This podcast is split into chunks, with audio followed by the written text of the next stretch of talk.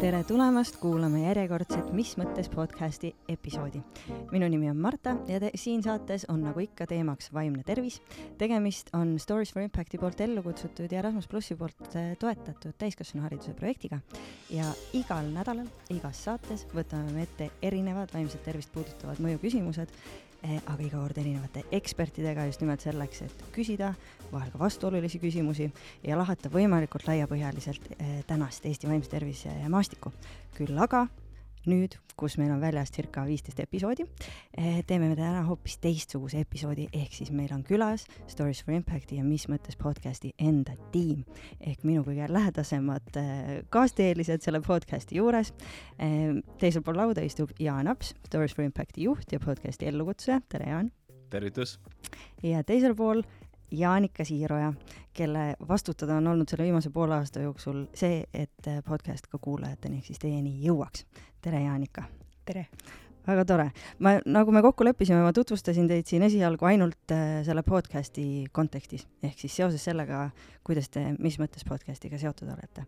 aga sissejuhatuseks me võiksimegi rääkida sellest, et äh, mis teid ennast on selle vaimse tervise maastiku juurde toonud, ehk siis mis on olnud teie motivatsioon ennekõike sellist projekti vedada?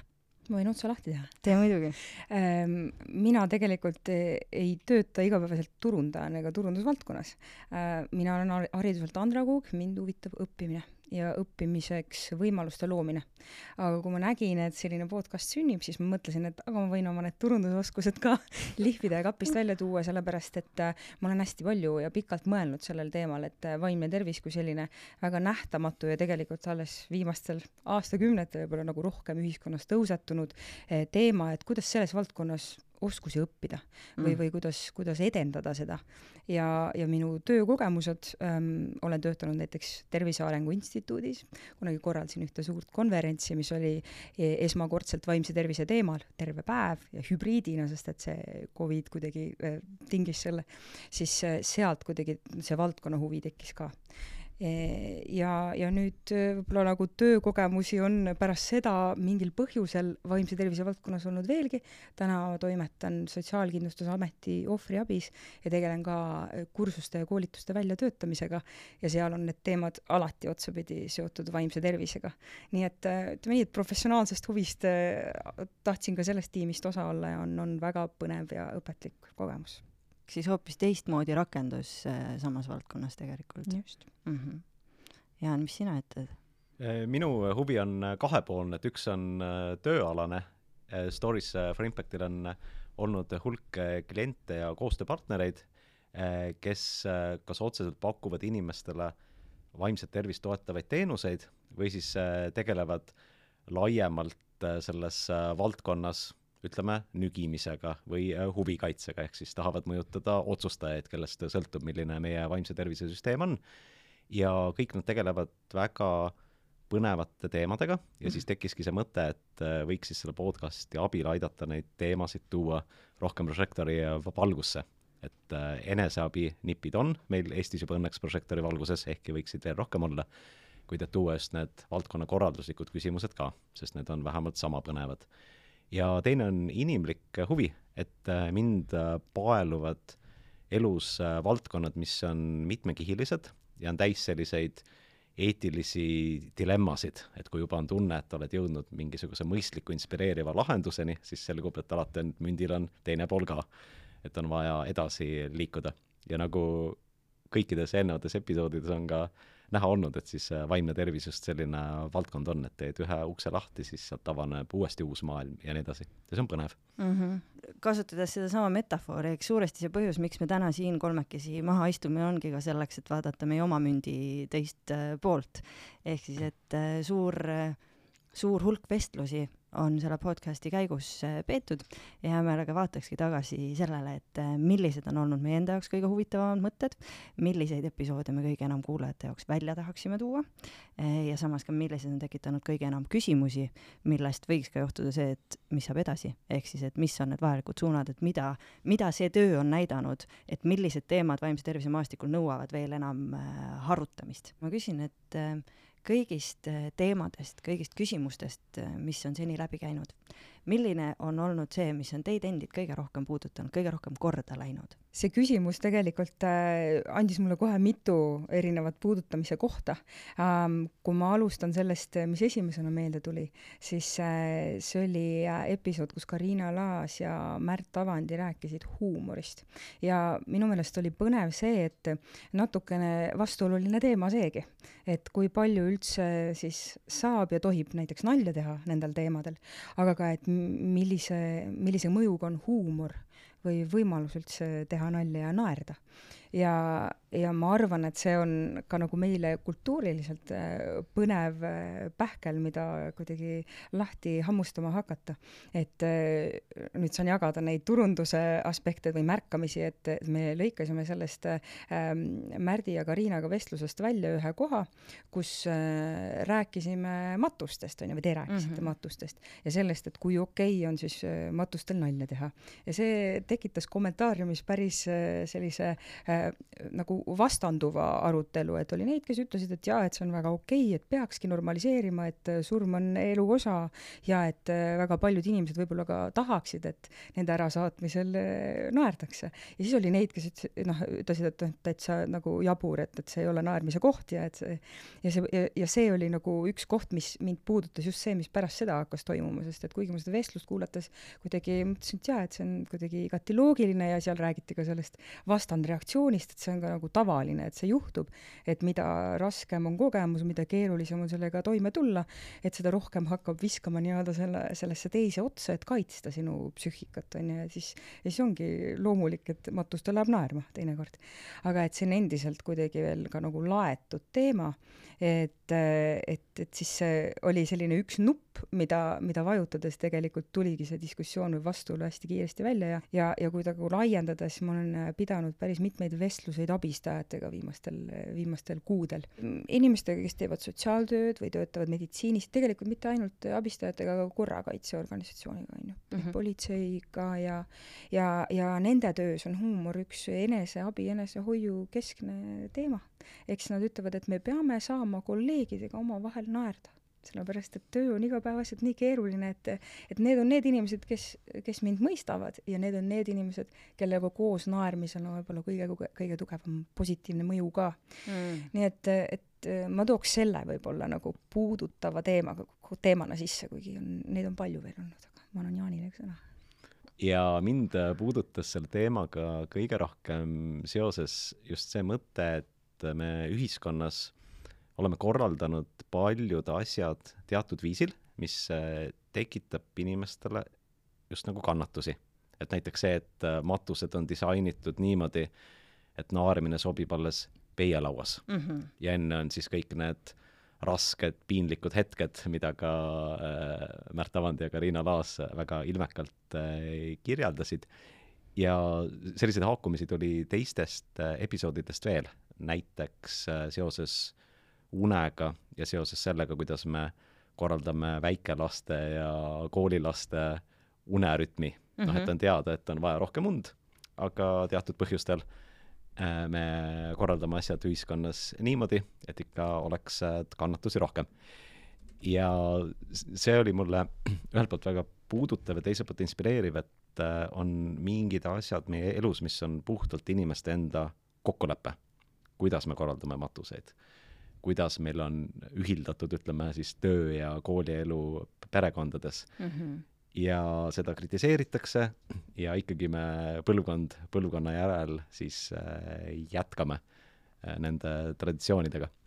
kuid kui tulla veel huumori juurde, siis äh, kui ma alguses tõin välja, et mind just isiklikult intellektuaalses mõttes puudutavad ja huvitavad just sellised tasakaalukohad või valikukohad, siis seoses huumoriga Jaanika tõi välja, et on hulk abistavaid elukutseid, näiteks siis päästjad, politseinikud, kaasa arvatud meditsiinitöötajad mm, -hmm. kaasa arvatud kindlasti vaimse tervise spetsialistid, kellele huumor võib olla selliseks väga lõõgastavaks ja vaimset tervist hoidvaks vahendiks. ja ma hakkasin äh, mõtlema, et ikkagi väga suur sellisest võib-olla noh, kõige rohkem pingeid maandavast huumorist on ju äh, selline, mis on ikkagi mitte eneseirooniline, vaid ta on suunatud nii-öelda teistele ikkagi, võib-olla isegi lausa naeruvääristav või noh, et mis meiega tööl juhtus, mida see inimene tegi, noh, mis, mis olukorras ta oli, kuidas ta äh, reageeris. ja see on minu jaoks äh, näiteks ühest sellisest väga põnevast dilemmast, et kui me lihvime noh, ka siis abistavate elukutsete seas nagu huumori selliseks väga ütleme, soojaks ja toetavaks. poliitiliselt korrektseks. ja poliitiliselt korrektseks, siis see tõenäoliselt kaob ära ja see ei toeta enam nende vaimset tervist et võib-olla nad siis jooksid palju rohkem mm. võrreldes praegusega. ja teiselt poolt jälle kindlasti, kui see huumor on selline terav, lõõgastav, eelkõige suunatud olukordade ja teiste inimeste suunas, siis paratamatult jälle hoiab elus ka teatud stereotüüpe või teatud selliseid negatiivseid hoiakuid, kui see jõuab kuidagi avalikkuse ette, noh, see teeb ka haiget mm -hmm. või see võib ka üle kanduda inimese eraellu, et ma olen harjunud teatud asjade üle naerma tööl, noh, siis kui see juhtub näiteks pereringis või sugulaste hulgas, noh, siis ma annan ka eeskuju teistele, et ma naeran seal täpselt samamoodi. et see on üks nendest põnevatest dilemmadest, mis mind ka väga puudutas mm.. et mis see õige tasakaal siis on, kas seal üldse tasakaalu saab olla ja nii edasi väga naljakas, kuidas äh, te olete valinud sama episoodi, aga ma ise tooksin välja selle sama episoodi. räägin lihtsalt korraks inspireerituna teie mõtetest äh, ühe lollaka loo oma enese elust. elasin üürikorteris, jagasin inimestega korterit, selline ülikooli aeg veel. ja ühel äh, õh-, hilisõhtul kostub uh, uksekell. Kell on mingi pool kaksteist ja nüüd ma ei lähe avama, ma eeldan, et ju see on kellegi korterinaabri juurde. Aga see muudkui kestab ja kestab, ühel hetkel me oleme siis kõik seal esikus ja vaatame, et sulle, ei, sulle, teeme ukse lahti. Ja koridoris on naisterahvas, kellel on kõrv verine, tuleb välja, tegemist oli peretüliga ema ja tütre vahel. E, ta tuli siis ülemisele korrusele, et abi otsida, istus meie köögis, me kutsusime välja parameedikud, kutsusime välja politsei. Ja siis ma sain, selline kummaline olukord, kus sa istud võhivõõra inimesega oma köögis ähm,, kiirabi on seal kiirabi ei tohtinud vist justkui lahkuda enne, kui politsei on kohale jõudnud, aga politseil läks kohutavalt palju aega ja siis sa kuulad, kuidas siis hüsteerias inimesega räägib kiirabitöötaja. et kui see ema ütlebki, et issand, mu oma tütar, mu oma tütar, kuidas ta võis nii teha, ja talle vastatakse lihtsalt, et ah, me oleme näinud seda, kuidas poeg on isal kõrva peast ära rebinud. ja sa saadki aru, et ühest küljest, noh, minul kõrvaltvaatajana, andke andeks eh,, mitte nüüd lõpus, on ju, aga adrenaliin on üleval, mina vaatan seda olukorda kõrvalt jälgijana, noh, ma olen turist selles olukorras, minu, minu pakkuda on lihtsalt pind sisuliselt, on ju. et mul ei ole mingit emotsionaalset äh, kaalu seal olukorras. Ja samas ma saan aru, et ühel pool on need inimesed, kes tõesti ongi kõike näinud ja teisel pool on, on see inimene, kelle jaoks parasjagu on kõige uskumatum hetk tema elus, kus tema enda tütar võib talle füüsiliselt nagu liiga teha, on ju. et see on väga konfliktne kui mm -hmm. need äh, situatsioonid kuidagi omavahel nagu kohtuvad, on ju. Mhm. ja ma tean, Jaanika, sina oled nii palju tegelenud selle traumateadliku praktika küsimusega, et kuidas mhm. abistajad ükskõik mis rollis Äh, ka saavad arvestada seda, et, äh, et kes sul parasjagu teisel pool lauda istub mm. -hmm. aga ma võin öelda, et mina mingi, ma ei tea, kahekümne nelja aastase tudengina, kelle jaoks oli kõik lihtsalt, mis siin toimub mm, -hmm. et noh, mul ei tekkinud küll nagu seda mõtet, et see oleks kuidagi ülearu tundetu mm. -hmm. aga võib-olla see on väga, noh, et põhjus, miks mina selle episoodi samamoodi välja tooksin, on see, et ähm, ähm, noh, väga isiklikult, et ähm, huumori roll vaimse tervise säilitamise juures, eriti siis, kui sa oled pidanud elus oma vaimse tervisega väga palju ja väga süsteemselt tegelema, on lihtsalt niivõrd hindamatu. ja minu jaoks võib-olla sellest samast vestlusest see osa, mis, mida ma kõige enam ka esile tõstaksin, mis mul kõige teravamalt meeles on, on see Märdi mõttekäik sellest, et kuidas mitte muutuda kibedaks ehk siis, mm. et äh, mida enam me kasvame, küpseme, kogeme maailma, et äh, kui meie aju on selline skeemide loomise masin, et kui lihtne on juba otsustada ette, et ma justkui tean, kuidas kõik asjad lähevad, meil tekivad teatud ootused, mingisugused uskumused kivistuvad, kuidas oma elu juures, ühe täiesti keskmise elu juures, kus sa kohtad väga palju väljakutseid, kuidas selle juures säilitada see mängulisus ja avatus maailma suhtes ja mitte lihtsalt kivistuda ära mingisugustesse uskumustesse, et mingid asjad lähevad nagunii mm. metsa öeldes viisakalt. Mm. -hmm jah, see on nii huvitav teema, mis sa sisse tood, sellepärast et see viis, kuidas me maailma näeme, see ju äh, kujuneb läbi meie kogemuste, ehk siis et ma arvan, et üks osa on selle kogemuse tõlgendamises, on ju, et kuidas sa siis seda tõlgendad enda jaoks, ehk siis et mismoodi see asetub sinu isikliku elu narratiivi ja siis kuidas ta hakkab sealt äh, mõjutama neid järgmisi kogemusi, ehk siis et kui midagi, noh, sa tõid välja selle traumateadlikkuse, et näiteks, et traumeeriv sündmus on miski, mis raputab sind nii palju, et sinu enese toimetuut-, toimetuleku suutlikkus võib-olla sellel hetkel ei ole piisav selleks, et sellest üle tulla. ja siis on väga oluline roll, näiteks traumateraapia aitabki ju, ju põhimõtteliselt selle pusle uuesti kokku panna sellest, mis sinuga juhtus, aga nagu võimalikult sellisel moel, et see edaspidi sinu elu tugevalt negatiivselt mõjutama ei jääks. Mm.. kui positiivselt mõjutab näiteks, et sa kasvad läbi selle ja sa saad tugevaks, sa näed, vaata, millisest asjast ma läbi tulin.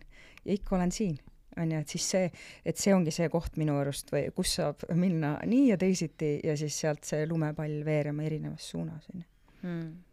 jah, ja meil on ilmselt ka vaja siis sellist huumoripraktikat rohkem igapäevaellu, eh, kuna ka hmm. eelarvamuste episoodis toodi välja, et äh, ära ole nõrk ja võta ennast kokku, et see küll on väga halb asi, mida öelda äh, inimesele, kes on kriisis, kes on selles traumaolukorras, ja samas öelda inimesele, kellel parasjagu on elus hästi, et talle on väga mõistlik öelda, et tegele praegu sellega, et saada tugevamaks.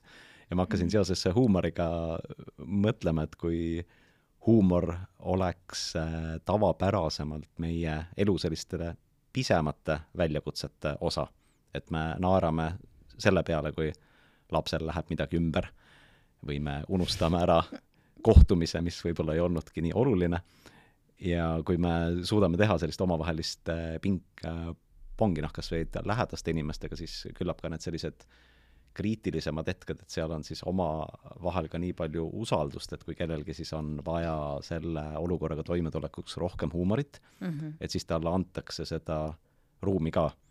ja siis teine on jah, nagu mingite asjade nii-öelda süsteemne ümber disainimine, et kas tõesti matus peab algama selle järjekorraga leinajate juures, et võib-olla sellised äh, kallistamised jätta lõppu, kui juba on piisavalt koos naerdud. ja seda kõike on äh, mõnusam teha. just, ja noh, üks samm sellel teel on meie, ma natukene vihjan ka tulevaste episoodide poole, on ka see, et äh, peatselt äh, plaanime me juttu teha tegelikult ka hingehoiust ja, ja sealjuures ilmselt suuresti ka sellest, et kuidas me üldse Ehm, niimoodi oma kultuuris ja, ja ühiskondlikul tasandil surma mõtestame ja milliselt sellele on võimalik äh, läheneda. aitäh teile neid äh, mõtteid jagamast ja kui me, kui no me oleme siin äh, soojalt ja isiklike puudutamistega selle otsa lahti teinud, siis see on hea koht, kus pöörata kardinaalselt, teha üks suur kannapööre ja küsida, milline meie läbi käinud vestlustest ja seal esinenud mõtetest on selline, mis on teis kõige rohkem küsimusi tekitanud? kus on olnud kõige rohkem lahtiseid otsi, millele tahaks võib-olla vastu vaielda? minule on tekitanud läbi erinevate episoodide üha rohkem ja rohkem üks teema küsimusi. et ma arvan, et üks esimesi episoodi, mis oli Rene Randveriga uh, -huh. ähm, seal te käsitlesite seda vaimse tervise püramiidi ja seda, et kuidas see alumine ots sellest ähm,, see kõige kandevam ideaalis äh, rajaneb suhetele oma perega, oma kogukonnaga ja, ja lähedastega, kes siis võiksid need äh, raskused või meid nendes raskustes kinni püüda enne seda, kui, kui abivajadus juba suuremaks ja akuutsemaks muutub. ja suhete teema hakkas läbi nende episoodide minu jaoks kõlama üha rohkem, siis juba Karina Laasiga, kui rääkisid äh, teraapiatest ja sellest, et äh, mõnikord on meetodist olulisem hoopis see suhe, mis tekib abistajaga, ehk siis et see jälle viitab kuidagi sellele suhtluse tasandile ja mm, -hmm. ja suhtlusoskuse olulisusele ühe po-, ühelt poolt aga teiselt poolt pani mind ka mõtlema, et kuidas siis või noh, milline saab olla see tervendav, emotsionaalselt turvaline suhe, kus on okei okay rääkida kõigest. ja mis on selle eeldused, et sellised suhted kujuneksid, sealhulgas milliseid oskusi me peame näiteks õppima eh, selleks, et selliseid, selliseid suhteid teadlikult ka kujundada. ehk siis, et mõnes mõttes on ju päris keeruline hakata nüüd seda püramiidi aru, harutama ja mõtlema selle peale, et aga kuidas siis seda alumist korrust toetada, et kas üldse see on vaimse tervise teemaline või, või nagu valdkonna või, või selle spetsiifiline küsimus või see on tegelikult laiemalt see küsimus, et, et kuidas saada aru ähm, esiteks, millest me täna ei saa aru, mis meil tekitab suhtlustõkkeid ähm,, kuidas me saaksime juba maast madalast, mm, võib-olla alushariduses, loomulikult vanemlus on see, see koht ka, kus kust võib-olla harutama hakata seda küsimustega, aga integreerida siia rohkem sellist mm, suhtluse õppimist ja võib-olla ka mm. raskete kõneluste pidamise õppimist ja jällegi tuues oma isikliku loo, siis kunagi käisin vabatahtlikuna Itaalias. no Itaalia kultuur Eesti omast suhtlemise vaates üsna kardinaalselt erinev.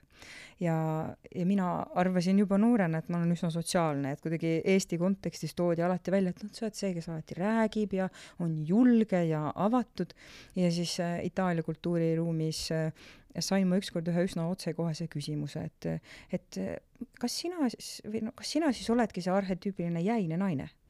Mis minu jaoks pööras täiesti nagu minu maailmavaate minust endast vastupidi või tagurpidi, aga tegelikult andis väga selge tagasiside selle kohta, et millised on need, need suhtlemise viisid ja moodused ja kuidas need paistavad võib-olla teisest kultuuriruumist inimestele ja, ja miks ma veel Itaalia kogemuse sisse tahtsin tuua, oli see, et see, kuidas seal koolis käsitleti erinevaid olukordi, mis laste vahel tekivad ja need tekivad igapäevaselt, oli see, et, et ükskõik, mis tund see oli, kas matemaatika, loodusõpetus või, või mis iganes tund, kui ilmnes, et laste vahel oli mingisugune probleem, mingisugune konflikt, siis lapsed võeti kokku, võeti äh, ta-, laudade, toolide tagant ära, äh, klassi tagaotsa, me istusime kõik ringi ja siis me kõigepealt rääkisime selle suhtluse läbi, et vot nüüd äh, Clara ja Francesco omavahel läksid tülli, mis põhjusel, rääkisime selle ära.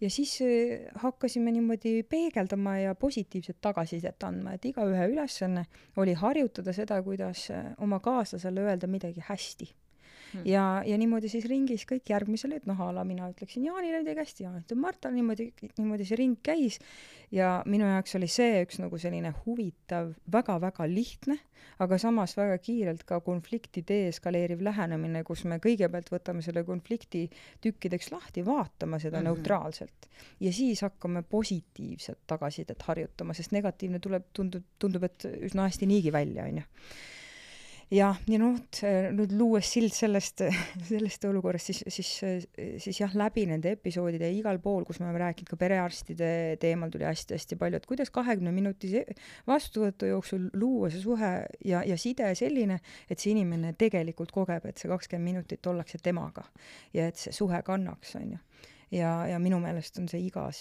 episoodis, vahet ei ole, millise me ette võtame, ühel või teisel moel tulnud välja. suhete kvaliteet, suhete olulisus ja mm. minu jaoks seni üks kõige intrigeeriv, intrigeerivamaid küsimusi ka. huvitav jah, ma oleks tahtnud kohe võtta kinni ja küsida edasi Jaanilt, et sina oled nende ühiskondlike protsesside mõtestamisega ja analüüsimisega kõigest, kõige pikemalt ja süsteemsemalt meist tegelenud, et, et kas suhtlemist suhete loomist, tähenduslike suhete hoidmist, et kas seda üldse saab nagu ühiskondlikult õpetada ja toetada, kas see on riigi töö, õpetada inimesi, et kuidas suhelda, noh, mis tundub mingis mõttes ju absurdne, aga samas tegelikult see näide, mille sa, Jaanika, ise tood äh,, illustreerib kuidagi nii värvikalt seda, et et äh, noh, võiks ju mõelda, oh, itaallased, lõunamaalased, neil ongi selline kultuur mm, -hmm. aga et see kultuur ei ole ka lihtsalt miski nagu antu mm. -hmm. et miski, mis tuleb siis kõigile instinktiivselt, vaid et osa sellest kultuurist ongi nagu potentsiaalselt sellised äh, praktikad mm. -hmm. jah.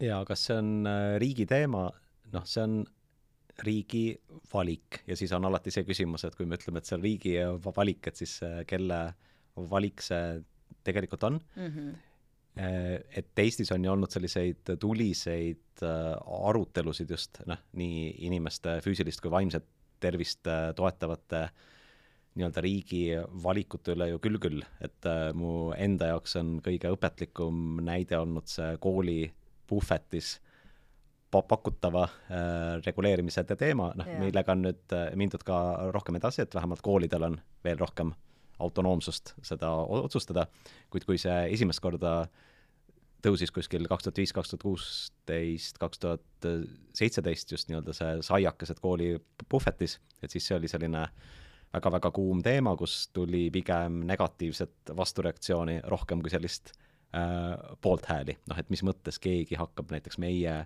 perele dikteerima, et mida äh, laps sööb. ja mis puudutab seda suhtlemise poolt, et äh, ühelt poolt ju Eesti haridussüsteemis on selliseid äh, programme äh,, kaasa arvatud äh, teadlaste poolt äh, so soovitatud, uuritud äh,, rahvusvaheliselt ka tõenduspõhiseid, et kas või näiteks käitumisoskuste mäng äh, VEPA, noh ja siis ka erinevad kiusu ennetusprogrammid, mis ka on väga tugevas sellise suhtluskomponendiga, et siis on jälle selles äh, valikus küsimus, et kui palju ruumi me sellele anname mm, -hmm. et kõik ei saa korraga olla prioriteet. et siis ongi, et mida me võtame vähemaks, et teha sellele ruumi, et see on üks pool, ja siis teine pool on see, et kuidas see kanduks ikkagi ka rohkem ka õpetajate tuppa ja kuidas see kanduks ka rohkem kodudesse, et näiteks kui hüpata uuesti toitumisteema juurde, et siis on uuritud, et näiteks sellised tõhusamad just Eh, ka ütleme siis eh, kaalu langetamisprogrammid eh, haridusasutustes, et just toetada siis tervislikke valikuid õpilaste seas, noh, et mis on ka Eestis statistiliselt suur väljakutse, et seal need lahendused, programmid töötavad siis, kui midagi tehakse koolis, midagi tehakse ka kodus, et kui see on hästi konkreetne, et me näiteks äh, Äh, õpetamegi nii-öelda siis pered äh, sööma tervislikku hommikusööki, ükskõik, kas see hommikusöök siis on kodus või koolis mm. -hmm. et üks äh, piirang noh, nende ainult haridussüsteemis toimuvate sotsiaalsete oskuste programmidega ongi see, et kui see jääb ainult äh, klassiruumi, et me teeme klassiruumis neid äh, harjutusi, aga siis juba ütleme, õpetajate toas toimub midagi hoopis muud ja koridoris vähemalt osade äh, koolitöötajatega toimub midagi hoopis muud ja mis on kõige olulisem, et äh, peredes toimub midagi hoopis muud ja ta lapsevanemad, kui nad tulevad kooli, et siis nad käituvad mm. lähtuvalt mingitest muudest printsiipidest, et siis see on keeruline ja siit me jõuame jälle selle riigi rolli juurde, et jah, et võib-olla peakski rohkem dikteerima, et näiteks seda lastekaitsesüsteem lendab kohale kohe juhul, kui äh, lapsevanem näiteks äh, tõstab kooli territooriumil liiga palju häält, et siis ta nii-öelda meil oleks nii palju lastekaitsjaid vaja sel juhul. just, just, ja, ja et äh, miks ma tõin, tõin sellise ekstreemse näite, et siis me juba jõuame, eks ole, sellise düstoopilisema mm -hmm. lähenemise juurde, et ma mm -hmm. tahaksingi Jaanika käest uurida, et, et kuna sa oled ka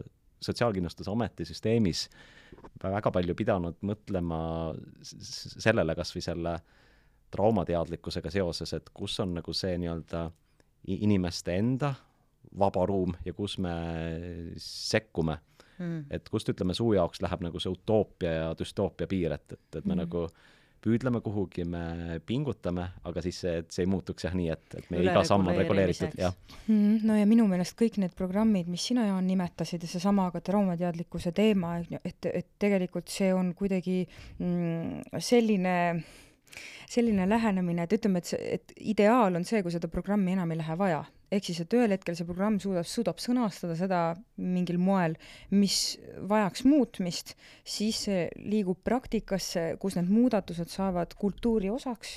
ehk siis ma arvan, et näiteks, et Itaalia näite juurde tagasi tulles, et seal minna võib-olla nagu rääkima sellest, kuidas on vaja rääkida, ei ole asjakohane, sest nad teevad seda niikuinii, see on kultuuri osa ja see ongi võib-olla seesama, nagu Helen Lotman ütles, on ju, et, et see mingi kogus minu, minu varasemat kogemust, äh, seda, kuidas teadvustamata teadmine. see teadvustamata teadmine, mille pealt me teeme mingeid otsuseid, aga mm -hmm. ka mille pealt me, me, me su-, kujuneb meie suhtlemise viis, on ju, ja moodus.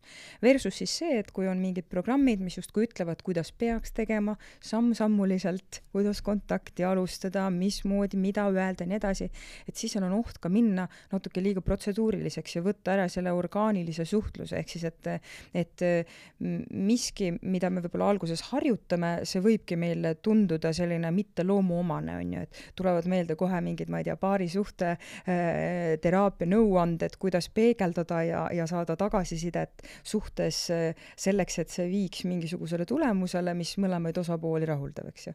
aga et alguses see võib tunduda, kui ei ole varasemalt seda rakendatud, kuidagi selline, et oota, mis õpikust see nüüd maha on loetud, on ju, et ma nüüd, oota, ma nüüd ütlen, mismoodi sinu öeldu või tehtu mulle, mis tunde see mulle jättis või, või mis tunded mulle tegi ja siis, et mida ma tahaks, et muut-, muutus või millist muutust ma tahaksin siis näha, on ju.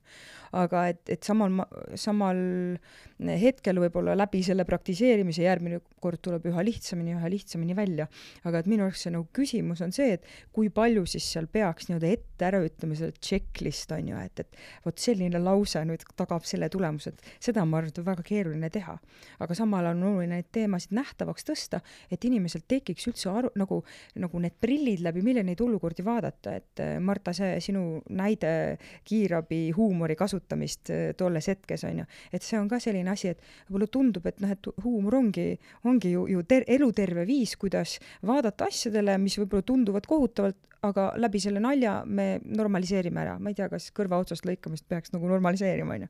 aga et, et selles äh, samas kontekstis minu arust nagu tõusetubki see, et, et, et nende sõnadel on ka mingites hetkedes mingisugune erinev nagu jõud, onju. aga et mhm. siis jah, et, et ma ei, ma arvan, et, et riik ei saa siin nagu kõigile panna igal hetkel äh, õigeid sõnu suhu, aga võib-olla saab suunata, tõstes nähtavale selle teema, öeldes, et me peame selle osas olema tundlikud, et näiteks kui inimesel on midagi väga koledat juhtunud, siis võib-olla ei ole okei okay sellel hetkel nalja teha, vaid lihtsalt kuulata ära, öelda, et me saame aru, et oligi, oligi väga ehmatav ja raske olukord.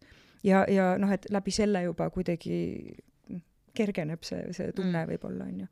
aga et jah, et et siin minu arust ei ole sellist ühtset vastust ja ma arvan, et tasubki lihtsalt jätkata süsteemi erinevates osades nende teemade nähtavaks tõstmisega, on ju, et et võib-olla Kiva tegeleb kooli kontekstis, aga keegi äkki äh, hakkab tegelema töö kontekstis rohkem töökiusu teemaga, mis on lihtsalt seesama probleem, aga aga täiskasvanu eas ja, ja, ja teises kohas. Ja me räägime, nimetades seda töökiusuks ja, ja mõtleme välja lähenemisi, kuidas töökiusu ennetada ja kuidas, kuidas ikka probleeme lahendada, kuigi tegelikult probleem ju ongi seesama suhtlemisoskus, mis te, noh, läbi mudeldamise ja eeskuju väga mm -hmm. tihti ka kujuneb, et mitte läbi lehelt loetu eh, soovituste, mis lauset mis hetkel öelda. no vot, aga selle peale mina, ma tahan küsida ühe hästi lolli küsimuse. Ehm, ja see on see, et ehm, kuidas öelda, et see, noh, mina mõtlen tihtilugu maailmast jube mustvalgelt, ehk siis mulle tundubki, et aga nii, kui kuskil on ära tõestatud, et mingi asi on hea praktika Äh, et see on tõhus, nii edasi, ütleme, et see oleks mingi, ma ei tea, põhikoolide õppekavas ongi üks tund nädalas, kus me räägime, nagu õpimegi suhtlemist, mis iganes mm. -hmm. et minu loogika ütleb alati, et kui kuskil on hea praktika, see tuleks panna igale poole, sest et muidu me ootame justkui nagu põlvkondi ja põlvkondi, et mingi teadmine, mingi oskus kuidagi liiguks noh, sellelt väikselt grupilt, kes siis sai selle koolituse, liiguks nende laste kaudu, noh et siis saavad nemad juba täiskasvanuks, siis nemad ei kiusa töö juures, et mulle tundub, et need protsessid on nii tohutult suured ja nii aeganõudvad et ma tahaks kohe kirvega nagu rakendada, et aga kõik siis õpime, võib-olla me peaks kõik õppima ja samas, olgem ausad, päris maailm nõnda ei toimi, onju. et eh, kui selliseid äh, mingeid praktikaid, koolitusi, sekkumisi, kuidas iganes me neid nimetame, nagu riigi tasandil äh, rakendada mu küsimus vist on see, et mis mõõtkavas äh, neid asju tehakse, mis mõõtkavas neid asju tahetakse teha ja millist tulemust oodatakse selleks, et otsustada, et see on nüüd piisav, et liikuda sellega massidesse näiteks?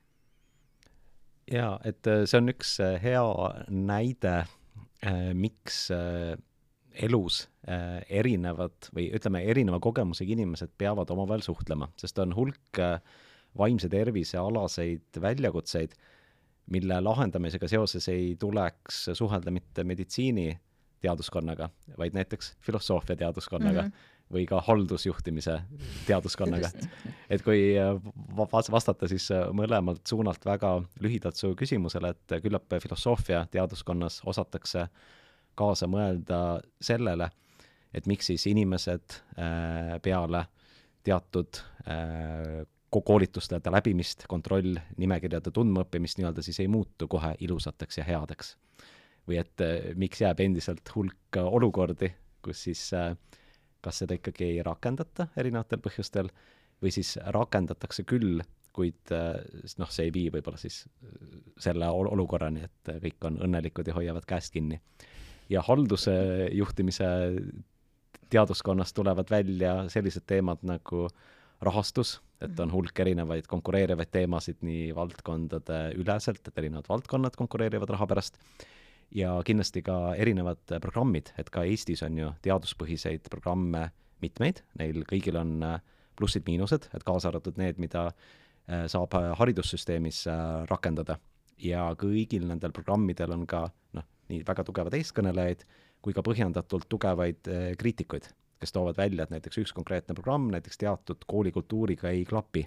et seal mm -hmm. koolikultuuris see programm on näiteks naeruväärne, et ta võib-olla huumorit tooks küll, sest ta tundub niivõrd äh, absurdne, noh et võib-olla just need põhimõtted on okei okay,, aga võib-olla see viis mm, kuidas näiteks tunde viiakse ka läbi. ja siis vot see teine programm, et kus on need sarnased põhimõtted, et vot see ei ole naeruväärne, et see on hästi meie organisatsiooni kultuuri toetav ja et sealt juba tekib see eh, mitmekesisus, ehk siis eh, et kui hüpata korraks lahenduste juurde ka, et mul on tunne, et just filosoofid oskavad anda nõu selles osas, et mis on siis realistlikud eesmärgid, et kuidas siis vältida nii utoopiat kui ka ikkagi teha piisavalt asju, et meie elu ei kujuneks düstoopiaks mm. -hmm.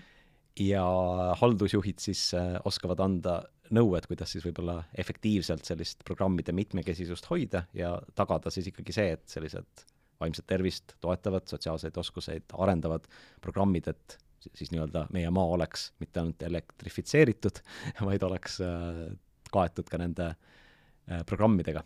et mm. siin, siin on neid äh, aspekte hulk veel, et me loodetavasti veel selle te teema juurde jääme, kuid jälle, et mul kohe tekkis uudishimu Jaanika kogemuse osas, et kas sa oled äh, nüüd puutunud kokku erinevate programmidega, mis äh, võiksid olla ju juba rakendunud üle riigi ja kohe praegu mm -hmm. ja paneme kõik ressursid sinna, sest see on nii oluline.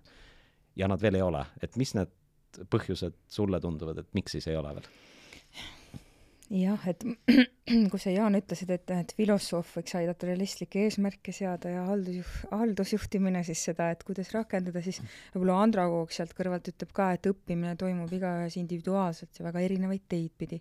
ehk siis, et kõik need programmid, mis eeldavad meilt eh, õppimist, noh, me oleme rääkinud koolitustest ja mingitest teavitustöödest, on ju, et need ju ka kui vaadata individuaalset tasandit, siis sisenevad ju igaühesse ehm, läbi selle filtri, kuidas ta maailma näeb, on ju ehk siis, et, et see teekond juba, et mida ta saab üldse sulle tollel hetkel õpetada, kui valmis sa selleks oled, et noh, et me teame, et erinevad hoiakud ja suhtumised tegelikult ju ka mõjutavad seda, et kuidas sa sellest, kuidas sa sellest sisust õpid, et noh, ütleme, et Jaani näitel, et see, see kool, kus öeldakse, et noh, et see siia kultuuri ei sobi, et see on naeruväärne, et kui minna sedasama asja sinna tegema, aga neil hoiak juba see, et see meile ei sobi ja see, see nagu siin niikuinii mingit mõju ei avalda. siis see ongi maha visatud ressurss. absoluutselt, sest et siis on mm -hmm. tekitatud ka mõnes mõttes selline üldine meelestatus kooli kontekstis on ju, kus mm, -hmm. kus võetakse läbi selle filtri, et noh, mida see siin üldse, üldse saab anda meile, on ju.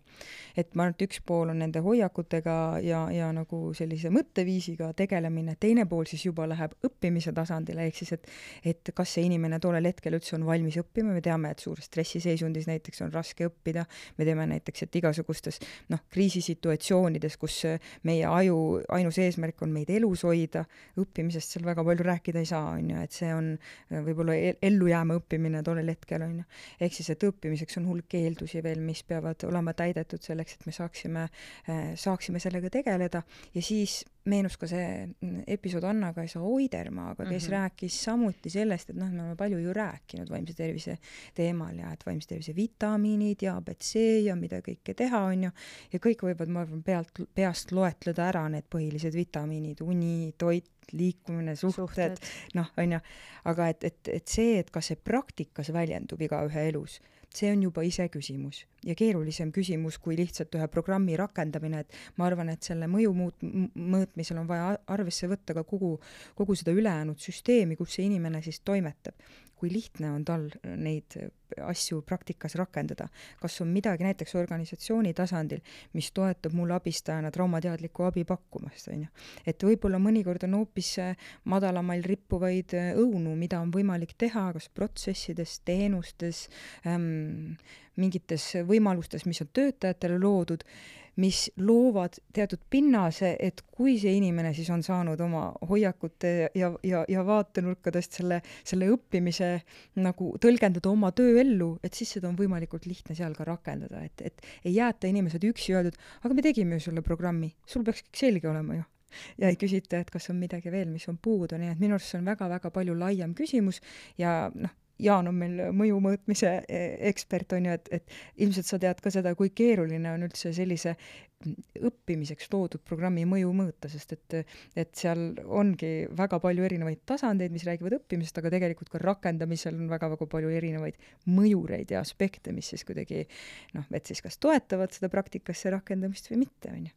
Ja, ja, ja lõpuks siis on ka see, et, et ilmselt see aeg mängib rolli, ehk siis et, et võib eeldada, et kui me praegu oleme jõudnud sinna, me oleme palju rääkinud vaimse tervise teemadest, palju jaganud erinevaid nippe ja vitamiine ja nii edasi, siis natukene on vaja ka aega selleks, et setituks see sinu enda sees ja, ja avalduks siis iga, iga üks omal ajal ja, ja, ja tasandil.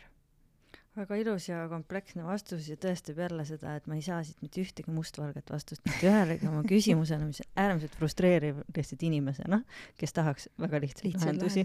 Aga... jätka proovimist, võib-olla. Ühel hetkel ikkagi selgub niimoodi, et Jaanika ütleb, et must ja mina ütlen valge. jah okei okay,, aga lähme Jaani Mustvalge juurde. mille sa ise välja tooksid, milline mõte on sinus kõige enam küsimusi tekitanud, uusi lahtisi otsi üles tõstnud? ma vastan sellele metafooriga, mis mul läks nii Jaanikat kui sind, Marta, äh, kuulates äh, kuidagi niimoodi peas arenema.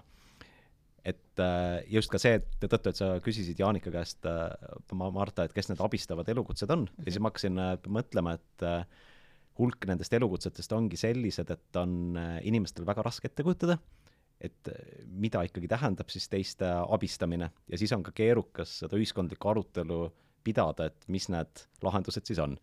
ja üks selline võib-olla stereotüüpne elukutse, mida me kujutame väga hästi ette, on eh, inimene, kes eh, teenindab teisi inimesi kiirtoidukohtades. et ütleme Starbucks, McDonalds, Burger King, Kentucky Fried Chicken ja nii edasi. keegi kusjuures nendest podcast'i sponsor ei ole miks? miks, jah et äh, see on omaette väljakutse meile. kuid äh, umbes ju kujutame ette, et inimene peab naeratama ja siis on teatud kindlad asjad teatud kombinatsioonides, et kas ta siis võtab selle burgeri kuskilt või ta teeb äh, kohvi ja nii edasi.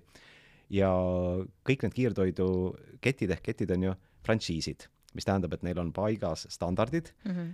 ja nad peavad tegema samu asju erinevates kohtades Samamoodi. samal viisil ja mm -hmm. samamoodi ja seda ka see frantsiisi andja käib ka kontrollimas, et on need nimetatud eh, Inglise keeles on see mystery shopper, mis siis eesti keeles võiks olla siis selline müstiline või selline nähtamatu ostja. salashoppaja. salashoppaja et ma arvan, et äh, ma võin korraks lasta ennast äh, lõdvaks, et ma hetkel ei jaksa naeratada lihtsalt ja. talle, aga vot ongi see kes siis ka kannab sellele frantsiisi andjale ette ja siis üldse võetakse ära see frantsiis sellelt ettevõtjalt ja ma kaotan ka töö.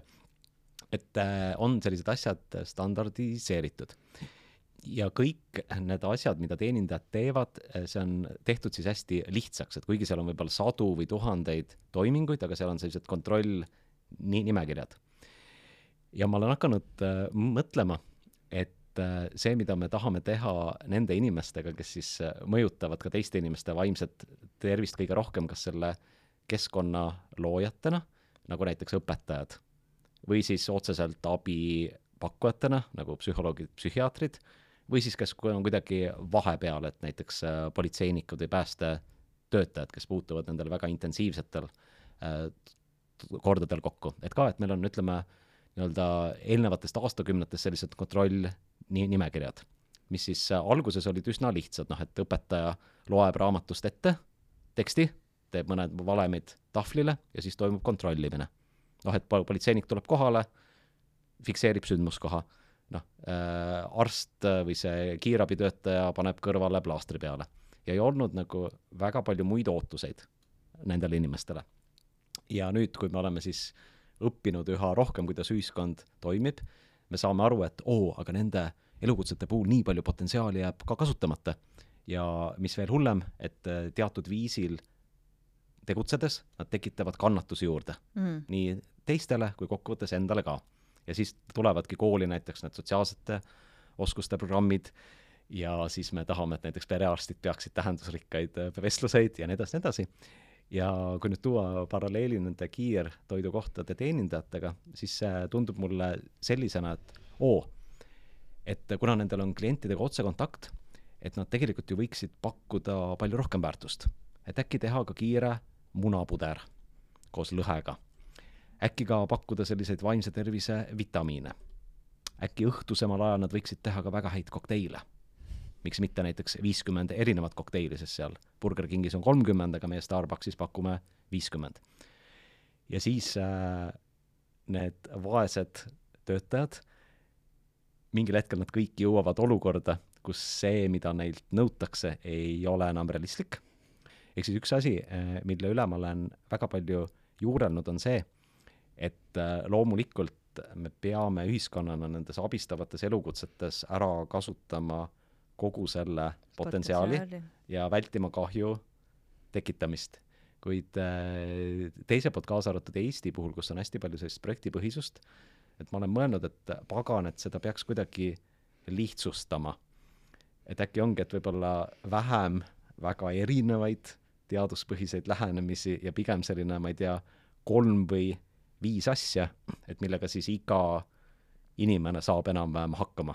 ma ei tea, kas see ongi siis naeratamine, lahtiste küsimuste küsimine ja siis iga selle elukutse puhul, nagu Jaanika ka viitas, et äh, vaadata üle ka need töötingimused. kas see, mida me ootame, kas seda on võimalik näiteks pakkuda viieteist minuti jooksul, kui meil on mhm. viieteistminutilised mm -hmm Äh, vastuvõtuajad või kolmekümneminutilised. Ja kui see aeg on nii lühikene, et siis äkki teeme kõigepealt selle vastuvõtuaja pikemaks ja siis paneme need nii-öelda standardiseeritud abistavad ootused inimestele. jah, ma väga haakun selle mõttekäiguga ja et suunata meie häid kuulajaid episoodi juurde, kus sellest võib-olla eh, kõige selgemalt juttu oli, siis eh, rääkides Karmen Jolleriga Äh, sellest, et millist rolli mängib perearst vaimse tervise süsteemis. see oli minu jaoks väga huvitav vestlus, sest et tõsi on, et kõigis meie vestlustes me ju mingis mõttes lähtumegi sellest, nagu Jaanik juba ära mainis, vaimse tervise püramiidist ehk siis sellisest optimaalsest mudelist, et kuidas võiks olla vaimse tervise tugi üldse ühiskonnas korraldatud. ja, ja kui me räägimegi sellest, et üks pool on need suhted, kogukond, see, kuidas ma oskan iseennast aidata, kuidas äh, minu lähikond oskab mulle toeks olla, see seal on nii oluline kõik see ennetuse aspekt, varase märkamise aspekt ja nii edasi, ja teisel pool see, kuidas väga paljud on harjunud äh, mõtlema vaimse tervise probleemidest, ehk siis kuidagi medikaliseeritult, et need on kliinilised psühholoogid, need on psühhiaatrid, nii edasi, ja siis minu jaoks kõige äh, teravamalt võib-olla adresseeribki sedasama metafoori see esmakontakt meditsiinisüsteemiga. Ehk siis perearstid, kellel justkui on kohustus, ärme ütleme kohustus, aga nende rolliks justkui selles püramiidis võiks olla see, et nad esimesena märkavad, märkavad ohutegureid, potentsiaalselt märkavad äh, lihtsamaid või tihedamini esinevaid äh, vaimse tervise häireid ja samas äh, kui me räägime sellest, et kui suur nimistu on igale perearstile kohustuslik, kui me räägime sellest, et mis on nende koolitusvõimalused selleks, et ennast noh, ütleme nii, kui mul istub siin teisel pool lauda, on ju kliiniline psühholoog või äh, teadlane, äh, teadlane, praktik, äh, inimene, kes on vaimse tervise valdkonnas igapäevaselt äh,, uuendab iga seitsme aasta tagant oma kutset, koolitub, loeb teadusartikleid ja nii edasi, ja tema ütleb, et me ei tea nii paljut, need teadmised muutuvad iga päev, versus mm, perearstid, kes on niigi ülekoormatud, kes läbisid ühe psühhiaatria mooduli võib-olla kakskümmend aastat tagasi, siis kui nad kooli lõpetasid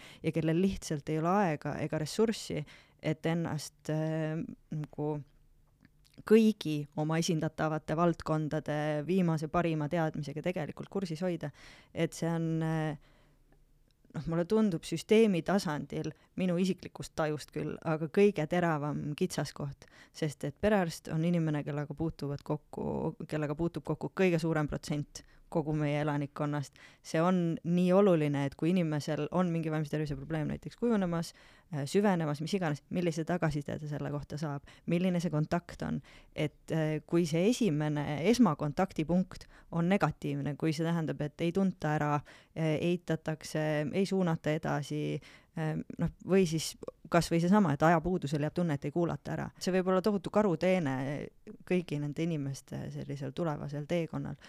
ja see tundub nii süsteemselt, no otse öeldes nii süsteemselt valesti, et me oleme perearstidele pannud sellise rolli ja tegelikult neile ei ole ressursse, et seda rolli täita. minu arust ongi, et, et Jaan, sa ütlesid, et ta selle, tõid selle näite mm, kiirtoiduketi kohta, on ju, et kuidas seal saab ära optimeerida selle, mis, mismoodi see suhtlus käib. tahtsin sellele kommentaariks lihtsalt tuua, et võib-olla naeratust sa saad sinna checklist'i kirjutada, aga head tuju ja, ja, ja nagu optimismi ilmselt mitte nii, nii lihtsasti. ja kuidas see perearstide näitega eh, suhestub, on see, et eh, perearst samal ajal, kui ta on abistaja eh, ja inimeste jaoks olemas, peaks ka tema tundma, et, et tema jaoks oldakse olemas või et tema tööreaalsust mõistetakse ja saab saadakse aru, et mida ta vajab ja võib-olla mm -hmm. tõesti üks asi on see, et ta vajab, et, et, et mitte esimesena ei tuleks tema meelde kõikidel teistel ametkondadel, kui on, kui on vaja kuidagi inimeseni jõuda või kui on vaja kuidagi mingisugust esmast, esmast sekkumist teha või kuidagi ära tunda seda abivajadust, et see on loomulik, et me, me otsime neid lahendusi sealt, kus juba süsteem töötab ja kuidas, kuidas siis jõuda mm, vähema vaevaga rohkemate inimesteni, aga võib-olla see ei olegi kõige lihtsam viis viis või kõige optimaalsem viis, et läbi nende täiendava koormamise, sest et mm -hmm. ma, ma nimetan seda head and shoulders'i efektiks, et, et, et kui šampoon peab olema ka äh, palsam ja, ja kreem ja sinu päeva värskendaja, siis ta ei saa ühtegi asja teha korralikult.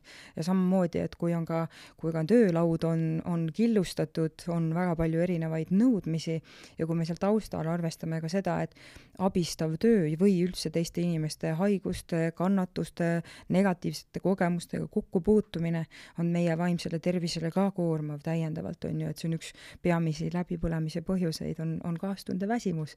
et siis eh,, siis on väga raske sinna, isegi sinna checklist'i seda naeratust kirjutada, sellepärast et see ei tule enam loomulikult, sellepärast et inimene on lihtsalt äh, koormatud. et ja, ja see juba siis läheb selliseks personali juhtimise küsimuseks osaliselt, mm, on ju. sest ja... naeratus tundub iseenesest juba väga õõvastav asi, mida kellegi töökirjandus no, kirjutada jah, et see, see viitab nagu mingisugusele orjasüsteemile. no vot, et riik ütleb, et äh, teatud elukutsete esindajad peavad naeratama. aga samas inimesed, tundlad või nagu sellised sotsiaalsete märkide lugemise oskus ütleb alati, kas see naeratus on siiras või mitte isegi kui me noh, võib-olla loodame, et see on. Ja siis on see, et jälle, kes mida eelistab, kas ma eelistan pigem ebasiirast naeratust või siis väga siiralt torssis ja pahurat abistajat. aga mida eelistate? mina vist eelistaks ebasiirast naeratust ikkagi eelistaksid, no see oleneb jälle, oleneb olukorrast. ma arvan, et mingitel hetkedel, kui on, ma arvan, et tegelikult isegi nagu niisuguses igapäevases poesituatsioonis, kus sa ütled mulle tere, naeratad, siis on, on kõik hästi ja, ja, ja siis, kui on tegelikult tegu mingite teemadega, mis puudutavad kas minu tervist või mingisuguseid aspekte minu elust, kus mul on oluline saada ausat, läbipaistvat, võib-olla rohkemat infot kui Rimi kassas, et siis ma eelistan, et see, see naeratus ei pea seal olema, aga pigem selline aus, läbipaistev suhtlus ja, ja nagu uskus. korraks de derail ime mm., nii, võtan enda kui kliendi slaš patsiendi mm. vaatepunktist mm. -hmm. tead, miks ma eelistan ebasiirast naeratust või? Sest et mulle tundub, et kui inimene on võimeline naeratama, noh, et mul ei ole mm. vaja, et ta elus oleks kõik korras, et ta oleks ideaalne inimene, kes iganes mulle nagu abi osutab, ma olen väga tänulik, et inimene seda teeb, ma saan aru, et me kõik oleme inimesed, iga professionaali taga on inimene, kellel on omad väljakutsed, küll aga isegi see ebasiiras naeratus näitab pingutust minu suunal mm. ja kui ma näen, et sellel inimesel on küllalt ressurssi, et ta on valmis minu nimel pingutama mm., olgu kas või selle naeratusega, siis see on, see noh, et see on minu jaoks piisav baas, kui ma ise olen mingil põhjusel abitu, et ma usaldan, et see inimene noh, et tal on ressurssi, et aidata. et see on nagu veider. ma küsin sult vastu, et kas sa eelistaksid ebasiirast naeratust või sa eelistaksid nagu eh, silmsidet, mis ei pruugi olla naeratusega, aga mis on päriselt sinuga? No nüüd me räägime nii, nagu naeratus välistaks silmsideme, onju. aga ütleme siis võib-olla lihtsalt niimoodi, et äh, olles, ma ei tea, teraapiasituatsioonis kokku puutunud sellega, et ma näen ära, kui mu terapeudil ei ole hea päev, mm. Ma olen, ma, ma ei suuda vastu võtta seda Mm. ma terve selle sessiooni istuksin seal niimoodi, et äh, ma muretsen selle pärast, kuidas tema ennast tunneb Mm -hmm. ja et kas ma nüüd äh, pean ilusti graafikust kinni ja et ma peaks kähku ära minema ja tal on täna raske. mm -hmm. ehk siis, et paratamatult mina olen küll isiklikult väga palju kogenud seda, et kui ma olen abivajaja situatsioonis mm, -hmm. mul on vaja, et mulle antakse vabastus, mm -hmm. vabastus, et sina ei vastuta minu eest, sina ei vastuta selle olukorra eest. jaa, et äh, kui mõelda positiivse poole pealt, et mida siis saaks standardiseerida, siis mm -hmm. kui ma kuulasin teie mõtete vahetust, siis mul on tunne, et võib-olla see naaratuse standardiseerimine oleks ikkagi üks riiklik reform, mille tasub äh, viia läbi, sest võib-olla siis saavad mingid muud asjad ka korda. et ma toon ühe praktilise näite, et ütleme, üks anonüümne suurhaigla nii. et äh, kui ma satun sinna kas siis äh, patsiendina või lähedase eest äh, hoolitsejana, siis noh, et kõ- kõigepealt, eks ole, jõuad sinna kohale kas ühistranspordiga või autoga või taksoga, noh et et see logistika kindlasti mõ- mõjutab väga. aga siis, kui astud uksest äh, sisse, et kui on tegemist sellise sügis, talvise, kevadise perioodiga, mis on siis Eestis äh, enamus aastast, et siis on ju garderoob väga oluline koht Mm -hmm. ja minu jaoks paaril viimasel korral see emotsioon või noh, ka see ütleme siis vaimne tervise tunne või see olukord, see pannakse suuresti garderoobis paika. mm -hmm. et äh, milline see kogemus, kuna see on, ütleme, väga sooliselt ka kallutatud garderoobides, et tavaliselt on see garderoobi proua või garderoobi tädi, et kas äh, see on niimoodi märkamatu, sõbralik, soe või see on näiteks selline, et ma juba tunnen, et milline see arst siis veel on. ja siis mulle meenub, aga mul jäi mobiil taskusse ja kas ma tegelikult julgen minna seda küsima, teda segama. teda segama, jah. ja loomulikult, et äh, inimesed, võib-olla see organisatsiooni kultuur, see töötasu, see õhkkond, noh, et see ongi selline, et kui mina töötaksin seal garderoobis, noh, siis ma oleksin selline, et patsiendid ei julgeks sinna tullagi. ja sealt me jõuame siis ringiga juhtimise juurde. Et just nagu mingisugused sellised lihtsad asjad, et mida me siis saame teha, et garderoobi tädidel ja garderoobi prouadel, seda enam, oleks äh, põhjust olla heas tujus või et nad oleksid piisavalt toetatud, et äh, vähemalt tol hetkel see patsient või tema lähedane tunneb, et okei okay,, nüüd mus on piisavalt vaimset jõudu, et ma nüüd jaksan ikka arsti kabinetini ka minna mm -hmm. noh ja et siis on juba järgmine küsimus, et äh, mis siis arsti kabinetis toimub, aga, aga see, Aga see on- see on soodustus nii- on olemas, jah. ja see on nii leidlik äh, lähenemise viis, mida võikski võib-olla eraldi välja tuua selle Mhm. osas, et kui me otsime süsteemseid lahendusi, et on äh, lähenemised, mis on äärmiselt ressursikulukad, ehm, võib-olla kohati ka võimatud ja noh, et tõepoolest, kui me mängime selle mõttega korra, kui me tõepoolest äh, ütleksime perearstidele oma praeguses situatsioonis, et nad peavad ka naeratama selle kõige juures, siis mulle tundub, et see oleks üks äärmiselt küüniline Mhm. äärmiselt küüniline ettekirjutus versus, et iga asutuse kohta on üks garderoob ja seal on mõned töötajad, kellesse võib-olla on palju lihtsam investeerida mm. -hmm. mingisugust teadmist, oskust, ressurssi mm -hmm. ja tegelikult millist, noh, et potentsiaalselt see mõju, mis loob eelhäälestuse kohtumiseks spetsialistiga, võib olla nii suur, et tasub alati otsida neid nurgataguseid ja mul on hästi hea meel, et sa selle mõtte välja tõid, et eh, lahendused ei ole alati sirgjoonelised. see on madalal rippuv õun täiesti, et Just. mina kujutan ette, et võiks olla järgmine pro- programm on kõikide Eesti haiglate ja EMO-de garderoobi, garderoobi töötajatele, et mida saaks teha nagu seal juba onju. ja, ja mulle meenus, et äh, ma sattusin Austraalias ükskord äh, EMO-sse ja siis mul äh, väga jäi meelde see, kuidas seal see minu kui kliendi teekond oli, ehk siis, et kuidas siis alguses see triaaži koht või see koht, kus sa siis ootad ooteruumis ja, ja mis ma siis kui professionaalsest huvist kohe vaatasin, mis seal seinte peal on näiteks töötajate kaitseks on seinte peale väga selgelt sõnastatud ära see, et meie töötajatega peab, peavad, peate te käituma heatahtlikult, sellepärast et meie mm. oleme siin, et teid aidata mm, -hmm. mis oli minu arust väga hea meeldetuletus, mm. sellepärast et mõnikord, kui sul tõesti halb on olla ja, ja sütik muutub lühikeseks, siis võib-olla tahakski nähvata, aga et siis see on niisugune väike meeldetuletus, jällegi tundus selline väga lihtne asi, mida seinale printida. ja teine asi oli see, et, et seal saalis liikus ringi ka selline vabatahtlik äh, vanemas eas naisterahvas, ma arvan, et neil on mingi seeniorite vabatahtlik programm. Ja tema eesmärk oligi käia vahepeal küsimas, kas sul on vett, kas sul on kõik korras, äh, kohe varsti tullakse, olla siis inimestega suhtluses, kes seal lihtsalt ootasid tegelikult ka teadmatuses, mis ei ole ka väga hea ja mugav olukord. ja tema ütles, et, et ma ütlen teile kohe ära, mina ei tea noh, neid meditsiiniprotseduuride järjekorda või ajastust või midagi, aga ma saan minna küsima, ma olen su jaoks olemas, kui sa midagi vajad mm -hmm. ja tule julgelt äh, minu juurde ja, ja see oli tema eesmärk. temal oli mm -hmm. kolm põhjatähte, on ju, et see checklist ei olnud väga pikk mm. -hmm. aga see, mis tunde see tekitas, kui turvalise hea tunde ja samal ajal ma arvan, et noh, ta ütleski, et on vabatahtlik, eks ta ei ole see mm -hmm. töötajate kollektiivi osa, oli jälle üks leidlik viis, kuidas minu meelest ka noh, läbi seeniorite, kes võib-olla enam tööturul ei ole, aga kes tahaksid kuidagi tagasi anda, see on nagu väga-väga minu arust võimas koht, mhm. kus, kus seda teha saab ja, ja kus seda on väga-väga vaja jah, mhm. et ma noppisin siit äh, kohe selliste süsteemsete äh, nõuannetena võib-olla niimoodi kolm äh, vastandit, et mida nii-öelda süsteemis mitte teha ja mida siis teha. et üks, mida siis kindlasti mitte teha, on see, et käskida garderoobi prouadel naeratada.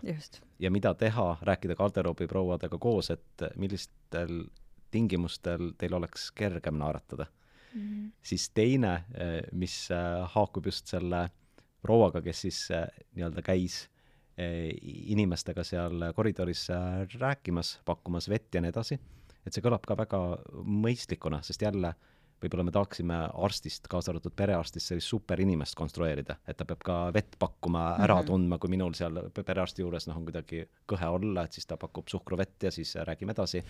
noh, võib-olla viiekümne aasta pärast ideaalsüsteemis, kohe praegu mitte.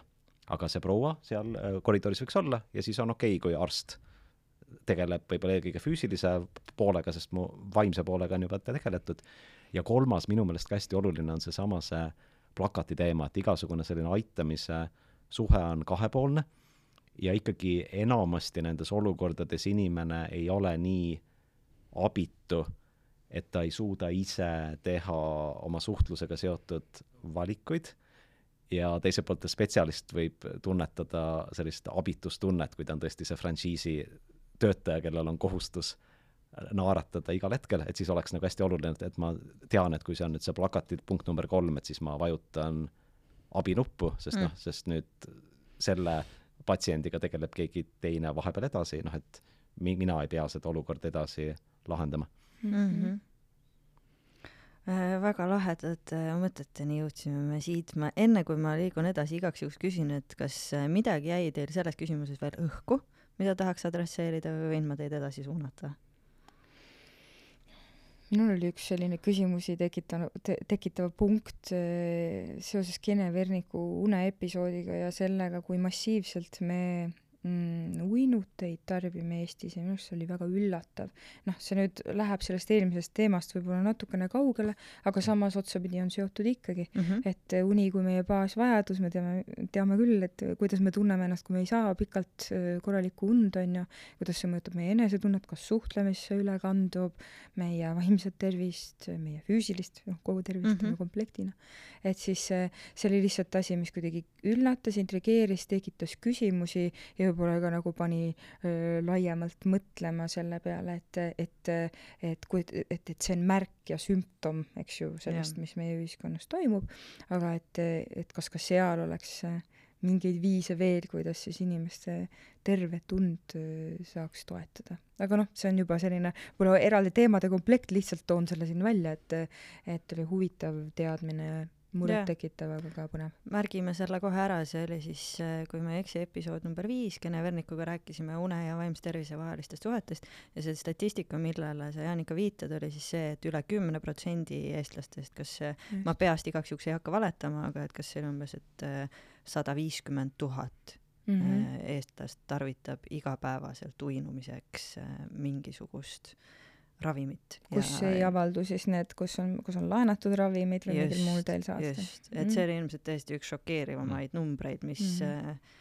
mis siin laua taga läbi on käinud, nii et mm igatahes väga huvitav episood, mida ka tasub kuulata ja, ja ma tooksin siit äh, veel seose ühe küsimusega, millest me just enne rääkisime, sest minu meelest see une teema annab äh, väga hea veel ühe perspektiivi juurde, et mida peaks riik reguleerima ja mitte et äh, Eestis ja paljudes teistes riikides on ju väga hästi reguleeritud erinevad finantstooted, et mis on vastutustundlik laenamine ja mis on siis vastutustundlik kiirlaenamine mm, -hmm. kuigi võib-olla kiirlaenamise kohta ei tohiks vastutustundlik öelda, kuid teatud piirides. ja minu jaoks äh, une teema eriti, aga ka toitumise teema on see, kus inimesed ju, meie ja ka mina, laenan oma organismi arvelt näiteks äh, uni on väga hea näide, et ma laenan tunde, mida siis ka kasutada millegi jaoks, mis millegipärast tundub olulisem kui oma magamine.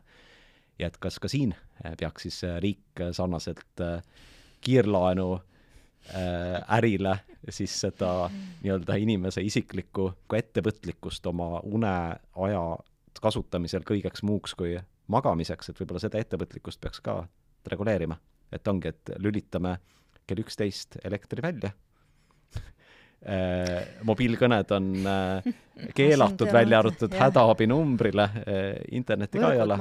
just, jah, jah. jah, ja see mingis mõttes jälle, ma tõin sellise düstoopilise näite, kuid mul on tunne, et sellele on vaja mõelda, sest väga paljud need muud sekkumised, kas või need sotsiaalsed oskused on noh, mingis mõttes nagu mõttetud või noh, need seemned langevad sellele mm -hmm. pinnasele, kus inimesed on äh, magamata, nad sõltuvad kas siis uinutitest või ergutitest ja noh, ja siis hakata mingeid sotsiaalseid oskuseid mm -hmm. õppima, et see on niivõrd ebaefektiivsem. jah, üks vaimulik kord ühes raadiointervjuus tõi välja, et inimesi, kes on suitsiidi läbi ilmast lahkunud, et tema siiski matab ka kiriklikult, sest et ta ei saa aru sellest, et miks ta ei peaks matma inimest, kes on äh, langenud haiguse ohvriks, kui ta matab inimesi, kes vabatahtlikult näiteks töötavad ennast surnuks mm. -hmm. ja lihtsalt äh, sellest mõttekäigust johtudes, et aktsiisi mõt-, aktsiisimaks magamatusele võiks näiteks olla. aga kuidas seda kontrollida, oleks muidugi ka huvitav, et võiks olla unepolitsei, kes siis tuleb ukse taha, ajab su üles ja kontrollib, kas sa magasid. vaat sõltub, mis on see mõju eesmärk, et me Stories for Impactis väga palju ajame seda mõju taga, et mis siis muutub mm. -hmm. et ma arvan, kui me tahame koguda riigieelarvesse rohkem raha, et siis aktsiisimaks magamatusele on super idee.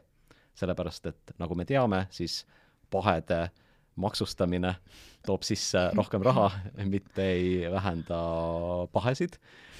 Ehk siis äh, ah, jah, jah, sellist jah, et äh, kui me tahame sellist mitterahalist mõju, siis tuleb vaadata mingeid muid lahendusi.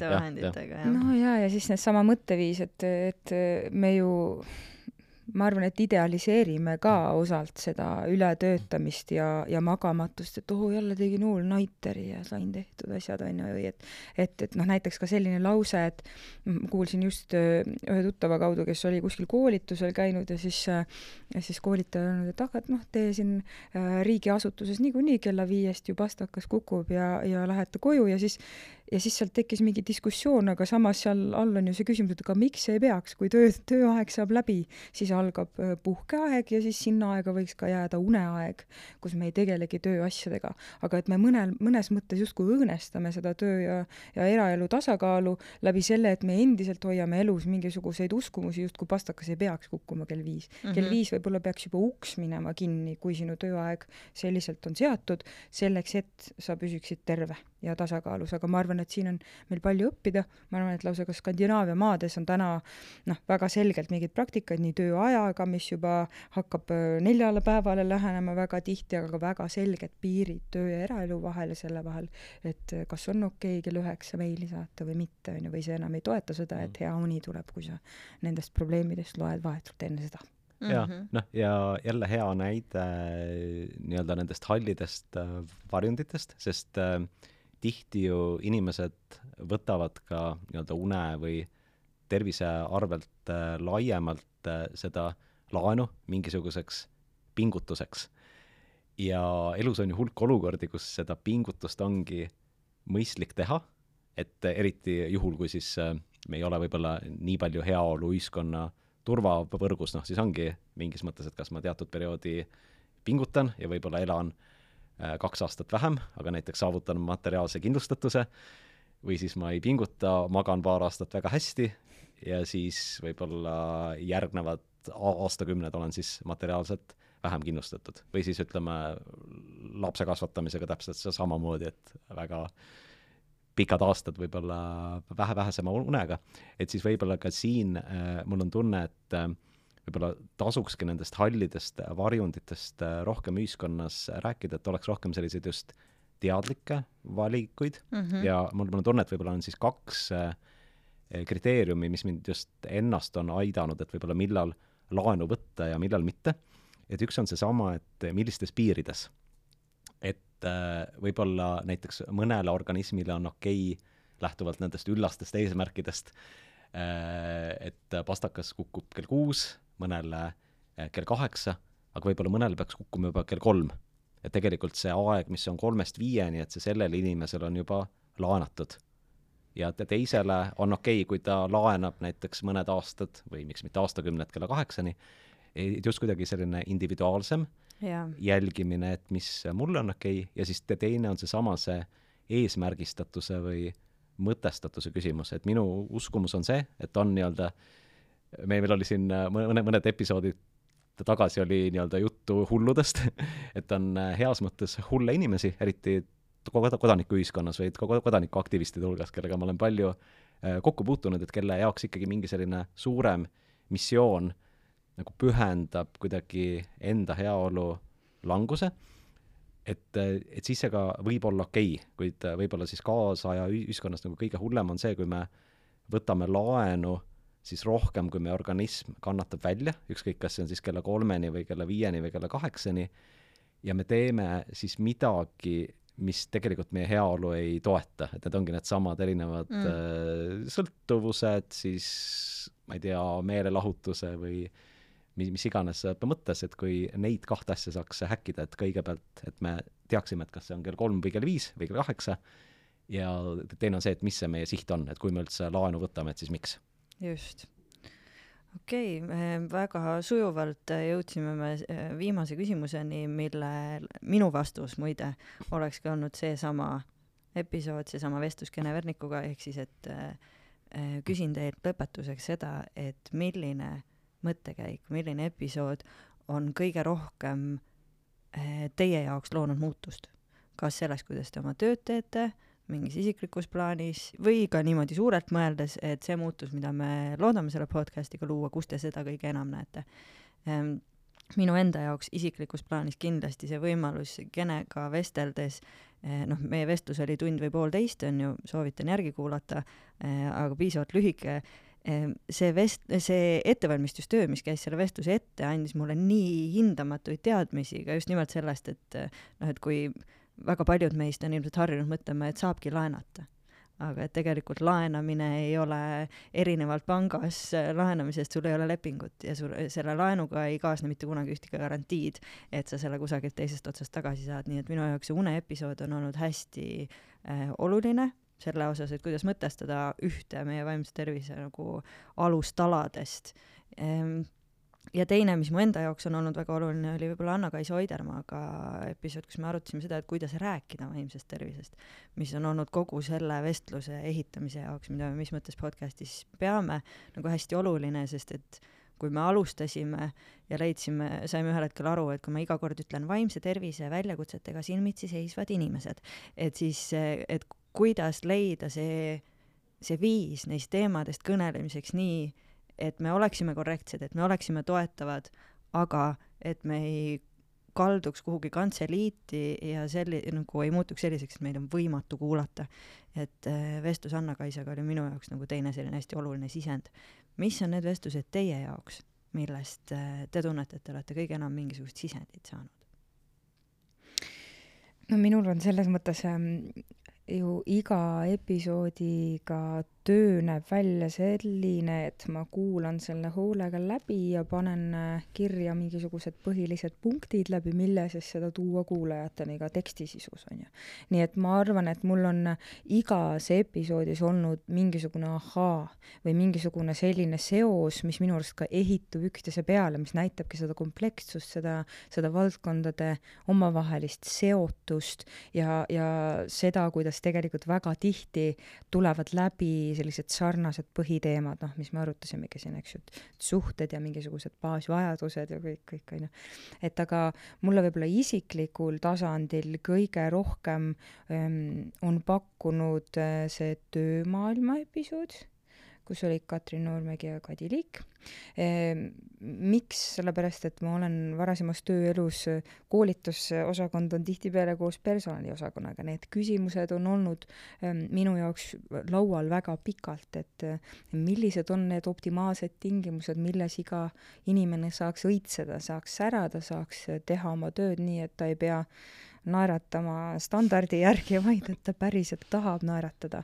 ja see, see episood minu arust pani hästi-hästi palju eh, nagu küsimusi, aga samas ka erinevaid vastuseid selliselt, see, et, et minu enda jaoks näiteks sai palju-palju selgemaks see, et, et miks minu tööelus on viimased kolm aastat olnud kuidagi eriti mõnusad, sest ma saan ise valida kohta, ma saan ise valida aega, ma olen väga autonoomne ja see on tingitud mingitest muutustest, mis on ka tööellu kandunud, on ju. aga et miks mõne jaoks on need protsessid võib-olla väga valulised, kes vajavad mm. seda, et läheme nüüd selle vana normaalsuse juurde tagasi ja et ma tahan uuesti ikkagi viis päeva nädalas käia käia kontoris ja, ja nagu sa, Marta, ütlesid, eks ju, et, et teise poole eh, hüüda, et kuule, pane printima, onju. et, et aga, et minu jaoks kuidagi nagu oli väga palju kõnekaid näiteid selles ja, ja ühtlasi minu arust see töömaailm on ju iga teise ähm, vaimse tervise valdkonnas töötava eksperdi ja, ja spetsialisti nagu ähm, jaoks mõjutav, eks ju, et see, kuidas tema siis saab omakorda oma tööd teha ja mm., ja mil moel see siis mõju avaldab, nii et sealt tekkis palju, palju äratundmist. aga, aga teine, mis mind isiklikul tasandil väga palju ähm, kuidagi kõnetas, oli seesama, kas kunstnik peabki hull olema, ehk siis, et ma olen, olen alati olnud ka äh, sellise kunsti ja loomingu äh, nagu mitte austaja, vaid ma olen rakendaja, praktiseerija. et ma olen nõus, et igas töös saab olla loominguline ma püüan seda, seda teha. Ja mind kõnetas seesama loomingu avaldumine või selleks vajalikud eeldused, eks, ehk siis, et loominguline on see inimene, Elen Lutmani sõnul, kes eh, mitte ei vali esi, esimese vastuse, mis ette juhtub, vaid laseb pausil kanda ja ütleb, et ma ei peagi praegu teadma ja natukene lasen siis sellel settida ja et see on, see on, see on, ma tunnen, kandunud minu otsustusprotsessidesse pärast seda kuulamist, ehk siis et ma ei otsi mitte esimest kõige lihtsamat ja kiiremat lahendusi, lahendust, kui ei ole just vaja, vaid et ma just nimelt lasen sellel määramatusel ja segadusel kanda ja, ja vaatan siis, et ehm, kust otsast need, need vastused ise mulle ilmuma hakkavad ja ja, ja see on selline tunnetuslik protsess, aga ma arvan, et väljendunud väga palju ka minu töös ükskõik siis, kas ma, ma ei tea, disainin mõnda e-kursust ähm,, turundan podcast'i või teen midagi kolmandat. jah. väga lahe. Jaan, mis sinu jaoks need mõtted on olnud?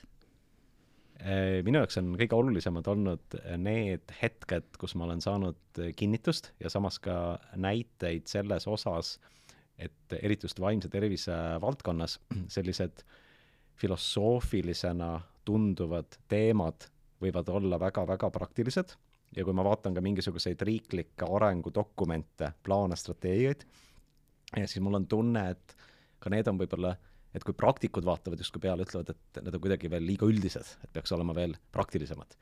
ja teiselt poolt mul on tunne, et võib-olla need peaksid olema kõigepealt filosoofilisemad mm. -hmm. et ma toon kaks äh, näidet näiteks äh, vaimse tervise ajaloo episoodi lõpus mainis austatud äh, saatekülaline, et võib-olla on äh, kaasaja vaimse tervise valdkonna üks selliseid trende ja mitte tingimata positiivseid trende see, et me leiame üha rohkem selliseid teemasid, mis ei ole veel saanud piisavalt prožektori valgust.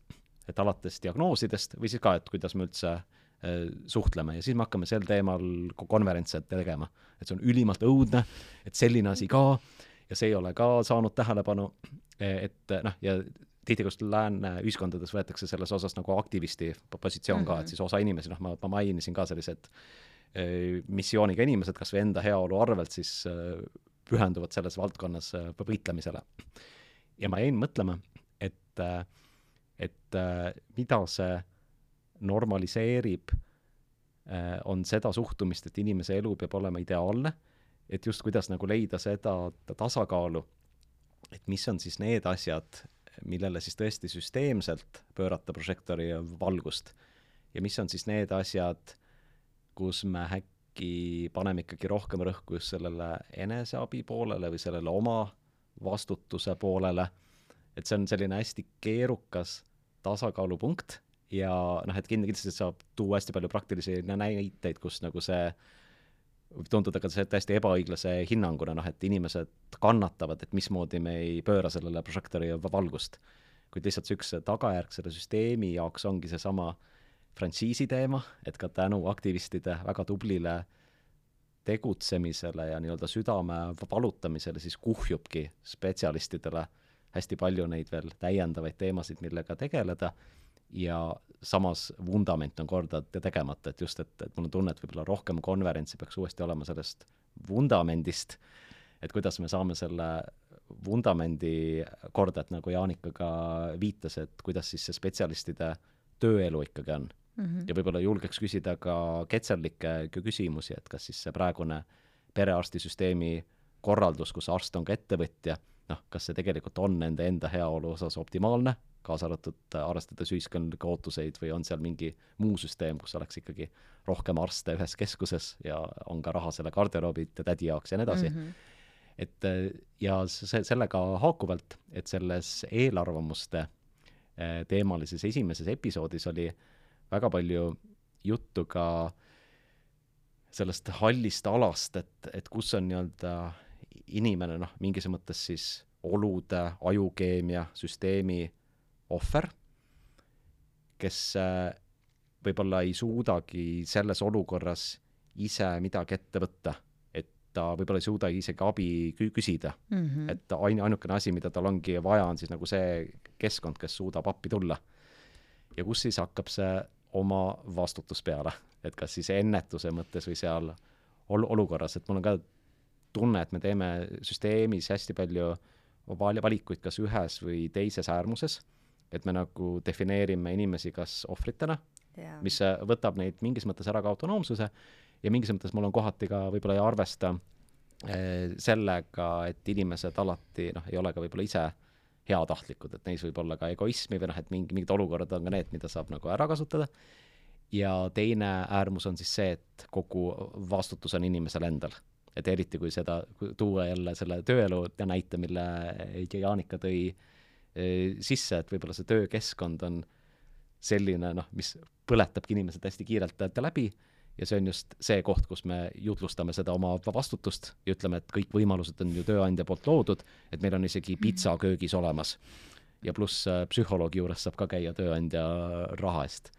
Et, äh, et just nagu sellised äh, võib-olla filosoofilised küsimused mm, -hmm. millest rääkimine on ka selline õhuke jää, kuid mul on tunne, et just nende küsimustega ma tahan ka tööalaselt edaspidi tegeleda, sest sealt võivad tulla sellised kõige väärtuslikumad ka praktilised äratundmised.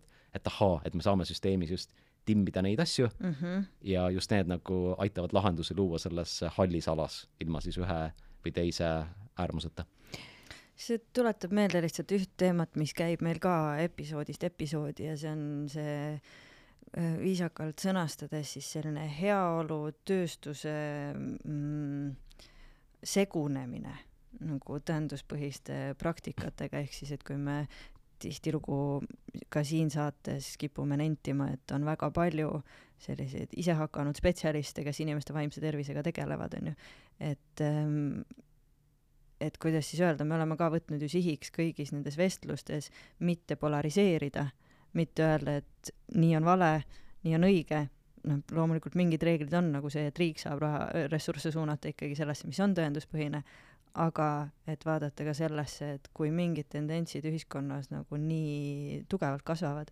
siis tuleb vaadata, miks see nii on eh, ja samamoodi mingis mõttes otsida seda ühisosa. ehk siis, et mm -hmm. aga mida nad sealt saavad, mida nad tõenduspõhisest meditsiinist näiteks ei saa, kuidas me, kuidas me sildame neid vajadusi omavahel, mis on, mis on need küsimused, millele võib-olla ei oskagi alati tõenduspõhine meditsiin vastust anda ja samas mm, -hmm. kuidas teha seda vastutustundlikult, on ju.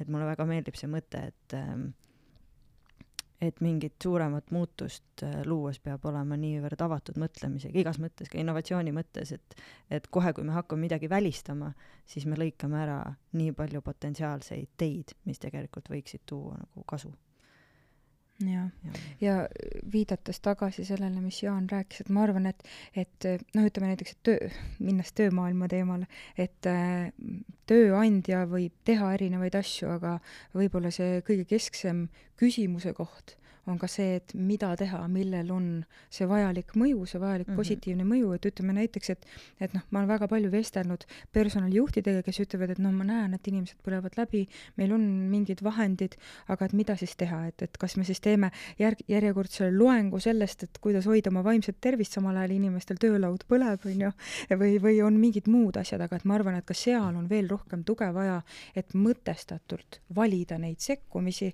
selleks, et me saaksime pihta nendele kohtadele, millele natukene vajutades on suur-suur positiivne mõju, on ju. et, et võib-olla ka seda abi on vaja süsteemselt veel nagu kuskil pakkuda, ma arvan, et, et töölaud Stories for Impact'il tühjaks ei tohiks jääda, on ju.